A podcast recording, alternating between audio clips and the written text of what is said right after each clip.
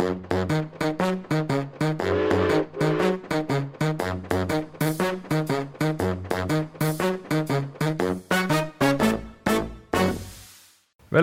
til en ny episode av podkasten Ekspedert.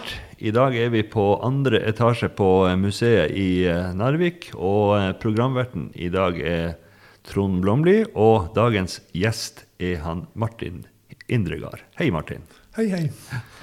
Og eh, vi skal ut på ei tidsreise som strekker seg tilbake til tidlig på 1800-tallet her i Ofoten. Og eh, det vi skal snakke om, det er Fagernes gård.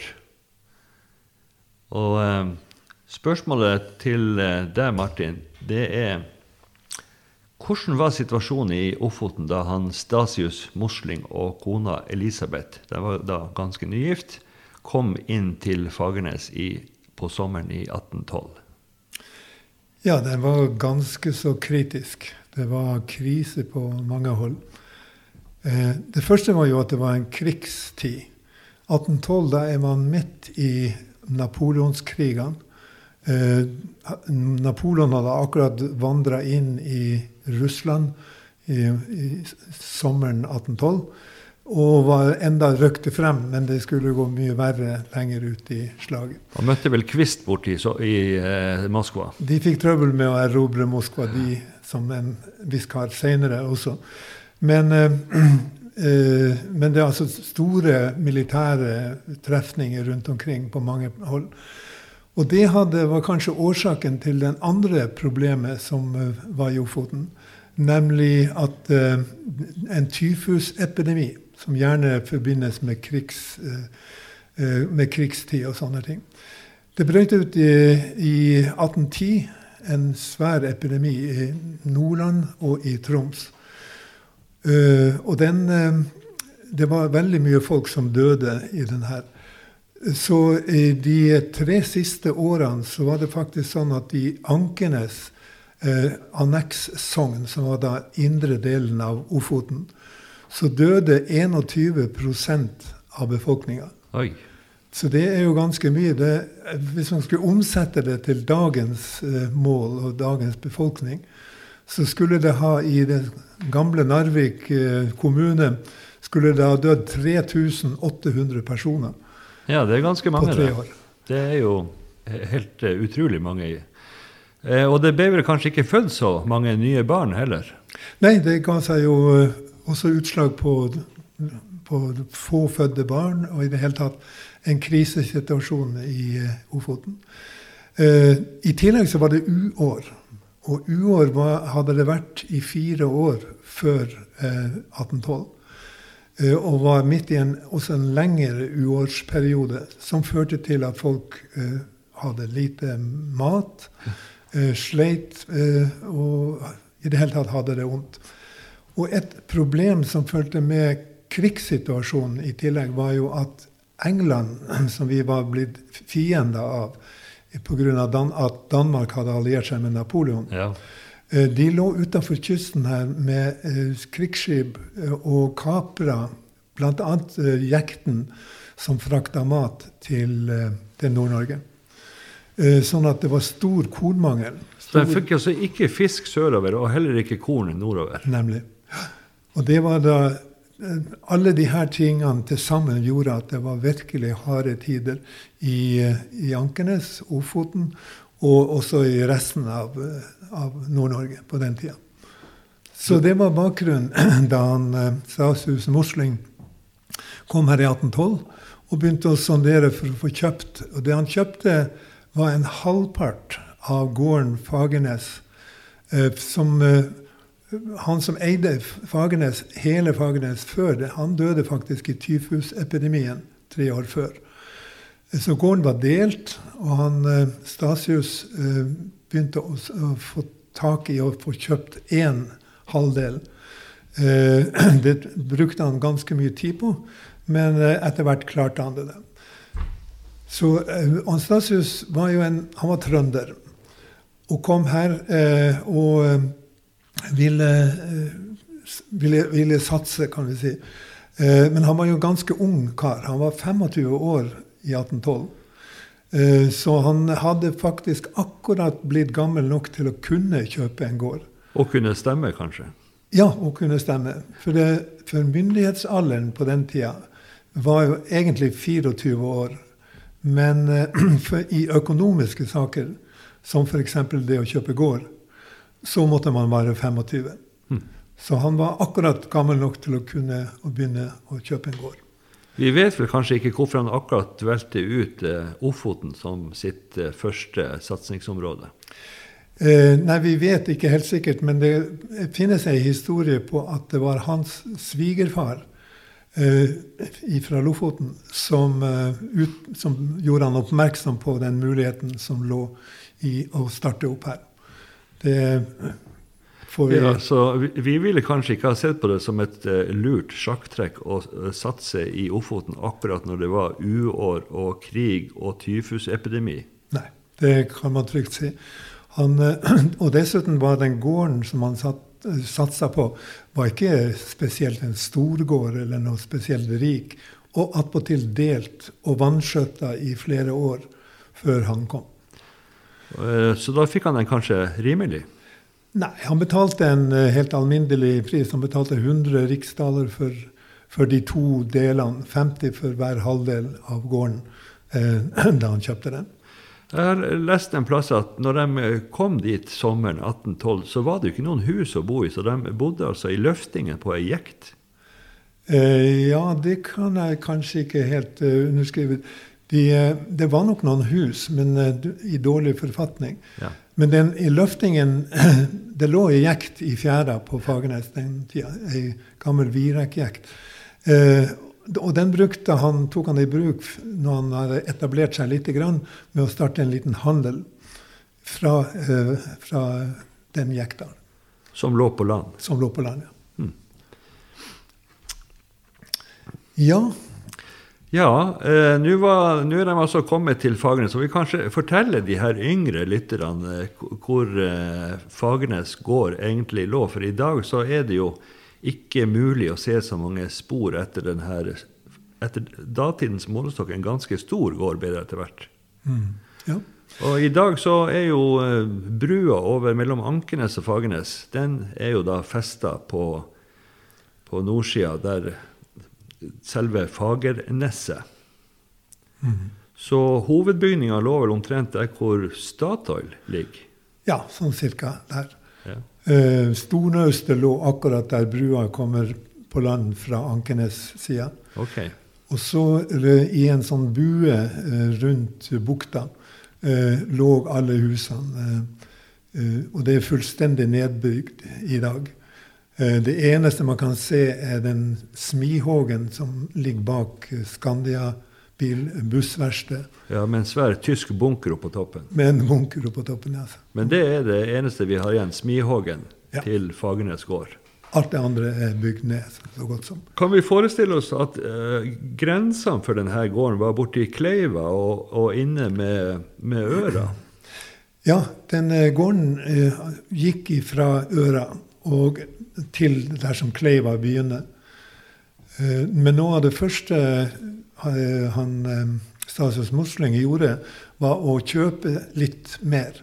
Han kjøpte Oldernes, som er skal si, nordsida av Beisfjorden, og brukte det som utmarksslott. Og det samme gjorde han til det som er Kleiva, på andre sida av neset, altså inn mot den neste gården, som var Narvik-gården. Eh, ja. ja. Det er vel mye som tyder på at eh, han framsto som både en eh, klok mann, selv om han var ung. Fordi at i 1814, altså bare to år etter at eh, de har kommet til Ofoten, så blir han valgt til en av de her valgmennene. Ja. Ja, han, eh, han, var jo ung, men han må ha gjort et sterkt inntrykk på folk fra, fra han kom. Han han hadde et par verv. Han var liksom eh, i, i, militært eh, lite lokalt verv.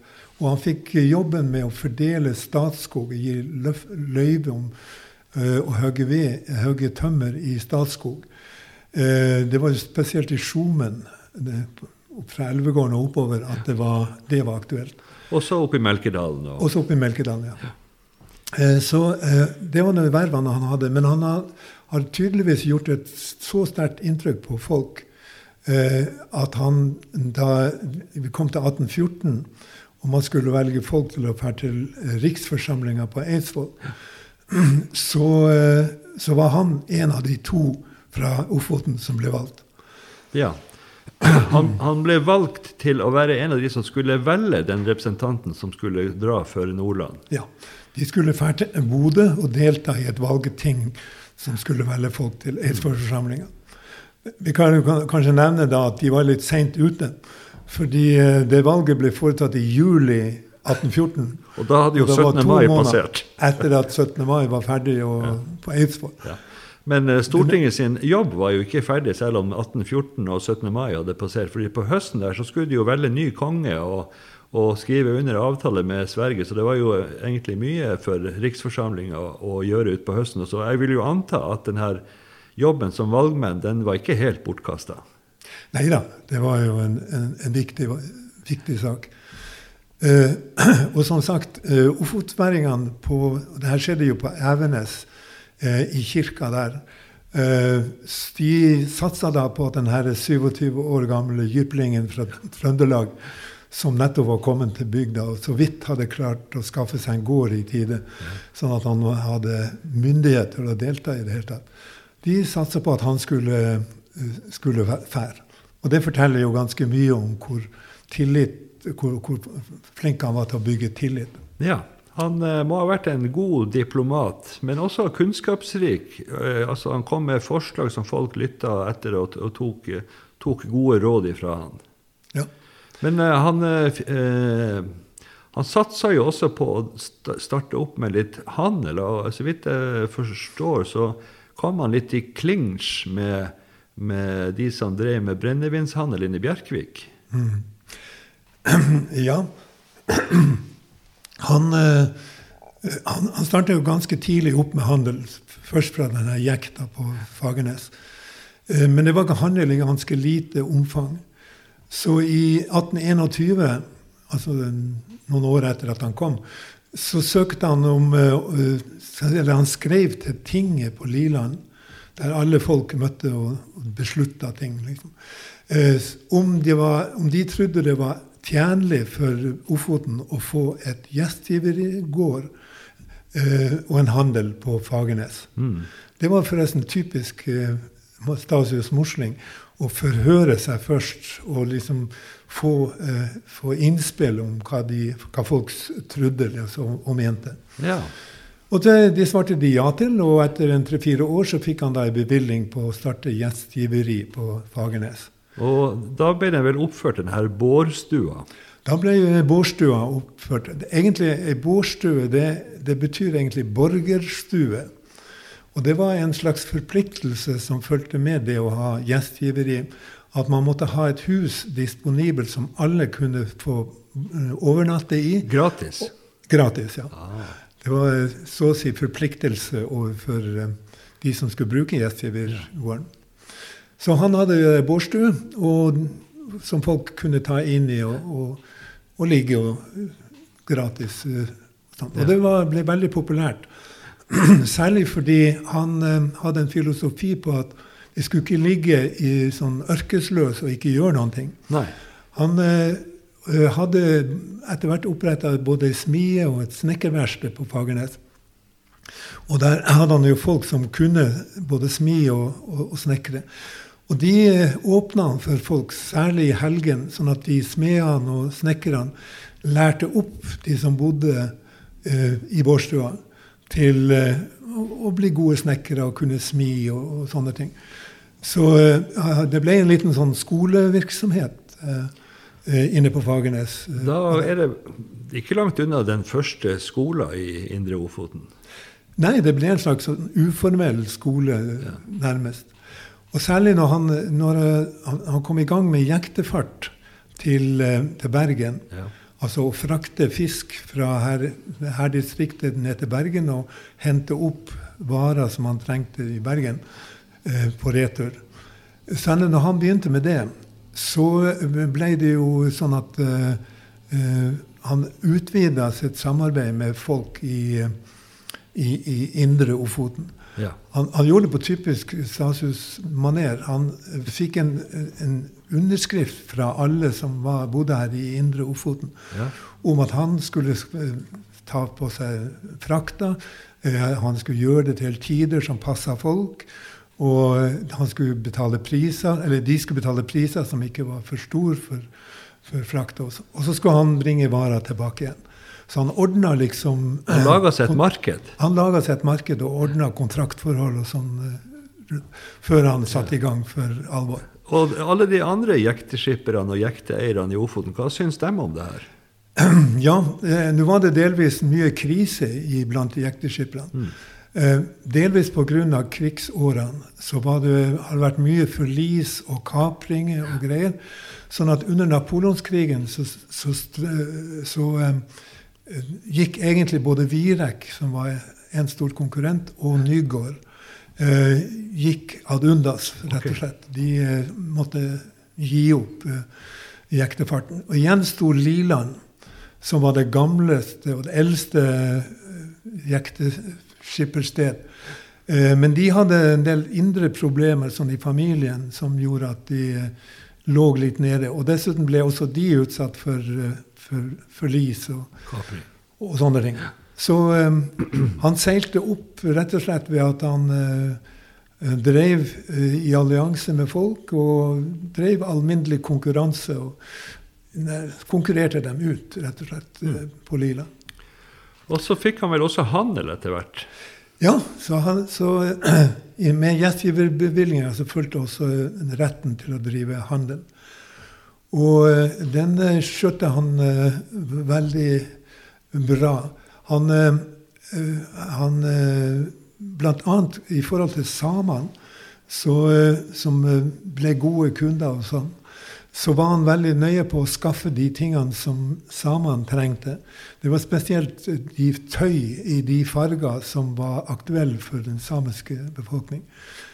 Eh, samtidig som han også var flink til å ta de varene som både samer og eh, den andre øvrige befolkning hadde, for å bringe til Bergen og, eh, og selge. Mm. Og så en ting til. Han var jo jekteskipper sjøl og reiste altså til Bergen eh, med båtene. Eh, og der brukte han tida til å oppsøke landbruksmiljøet, altså folk som drev vitenskapelig landbruk etter den tid, og lære seg nye metoder i landbruket. Eh, så han brukte altså anledningen til å skaffe seg ny kunnskap og bringe den til Ofoten. Og det gjaldt jo mange ting. Det gjaldt f.eks. hva slags planter som var, ga best avling. Det gjaldt eh, hva slags dyr som var også mest ja. produktive. Eh, og det gjaldt eh, i det hele tatt eh, alt mulig som, som, som var, gjaldt landbruket. F.eks. grøfting, som, var, som, han introduserte nye, uh, nye metoder Eller han, at man måtte grøfte ordentlig. Og drenere for å få bort alt vannet i jorda, ja. Ja. Og så var han jo en av de første som brakte poteten inn i Ofoten. Det var ikke helt den første, for det var presten på Evenes, som var en sånn potetprest, som han ja. kalte det, som hadde fått beskjed om å reklamere for potetdyrking. Hadde nok starta. Men han, Stasius Morseng var en av de første som satte i gang å, og virkelig bruke poteten, som, som på 1800-tallet utover mm. ble det store dyrkningsprodukt. Altså, i landbruket ja. for folk. Så gjennom Hans Stasius Mosling så fikk altså Ofoten en sånn direktelink til eh, det som da eh, var av nye tanker, moderne drift av, av landbruk? Ja, det kan du godt si. Han, han, var rett og slett en kunnskapsformidler eh, som fikk stor betydning. Og alt det her gjorde jo at Fagernes ble et veldig interessant sted å reise til for folk. Folk dro jo eh, hver eneste søndag, stort sett, når det var vær til det, i hvert fall, dro jo for å, for å gå i Ankeneskirka. Eh, men det å utvide litt og lage en, si, en slags langhelg på Fagernes først ble veldig populært uh, i, i, den tida. Tror du han var inne i bildet når det gjaldt å finansiere den nye kirka på Ankenes i midt på 1800-tallet? Ja da, det var han. Uh, han uh, kom med mange bidrag til, til reisninga av, av, av, den kirka. Uh, og den sto jo ferdig da i 1842.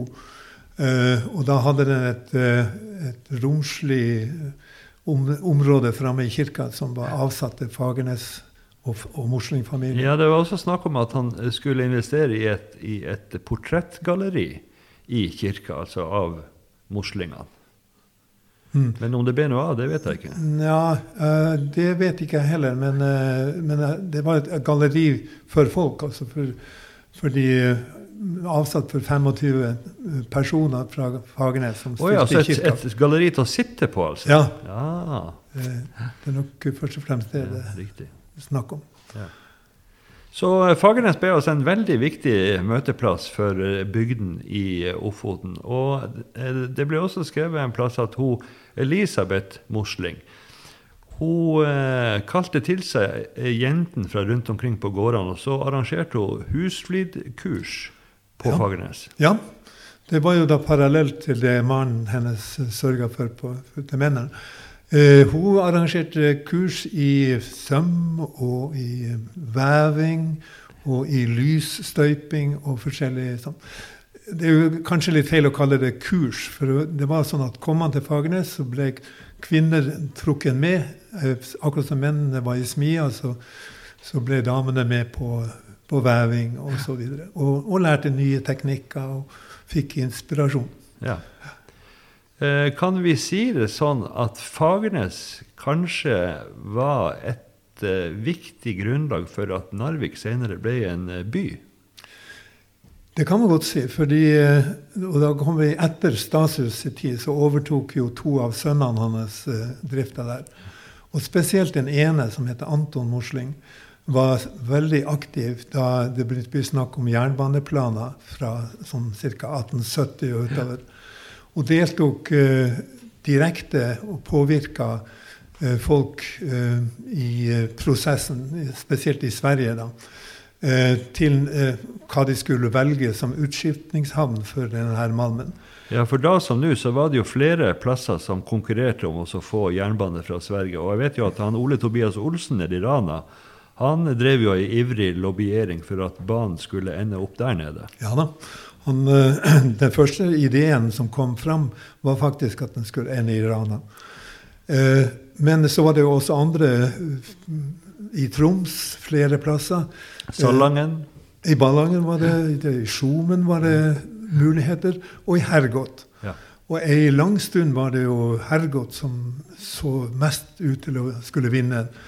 Eh, sånn at faktisk en av de viktige kapitaleierne her omkring, som heter William Spears, han satsa jo på at det skulle bli Hergot, og kjøpte opp nesten hele Hergot eh, i forkant for å bli rik. Så han kom i konkurranse med han Anton Mosling? da? Han kom i direkte konkurranse med Mosling på, på det området. For Mosling han og den Rikard Skau, som var eh, den svenske krumtappen i, ja. i banebygginga, han, eh, de ble fort enige om at, eh, at eh, Narvikbukten og, eller Fagernes var det beste utskipningsstedet. Og så dro han jo av gårde for å delta på det her viktige jernbanemøtet i Luleå i 1872. Ja. Han, Anton Horsling, ja. Han var til stede der. Det, han var nok mest for å snakke med folk. Det, han tok nok ikke ordet på selve drøftingen. Men, eh, men han var en, en påvirkninger bak kulissene, kan vi si. Ja, så bygge seg et nettverk. Ja, det var det.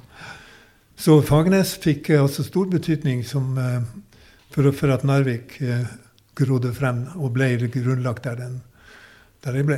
Ja, og etter hvert så kom det jo ei direkte båtrute fra Bodø til Fagernes. Mm -hmm. hvis, og, og, selvfølgelig også Posten, vil jeg tro, kom til Fagernes. Det kom det. Uh, den postgangen gikk jo først til Liland. Og så måtte folk uh, distribuere derfra in, internt i fjorden, så å si. Men så fikk da Moslings uh, ordna med at det ble postrute som gikk helt, hele veien til Fagernes. Og så måtte man hente posten da derfra Ja. sjøl. Så, eh, så de eh, Altså Fagernes var, var absolutt med på å, å utvikle Ofoten videre da etter Stasius' tid, og mens Anton Mosling var den store. ja.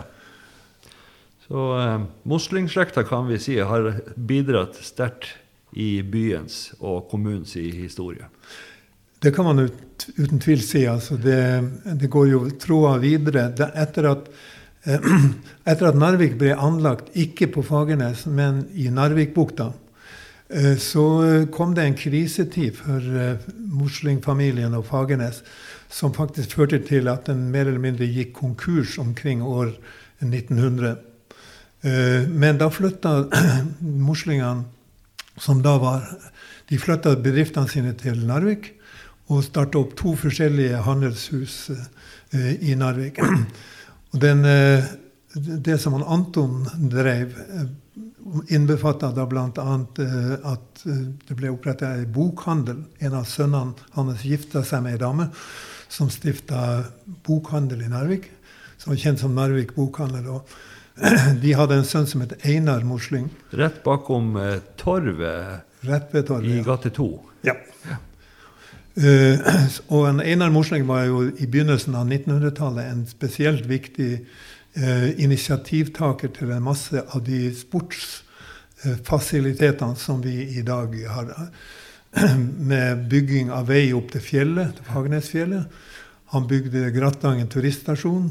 eh, og var i det hele tatt en veldig driftig person i reise, det tidlige reiselivet uh, fram til krigen. Ja. Foregangsmenn og foregangskvinner gjennom mange generasjoner, kan vi si. Det kan man altså utvilsomt si. ja.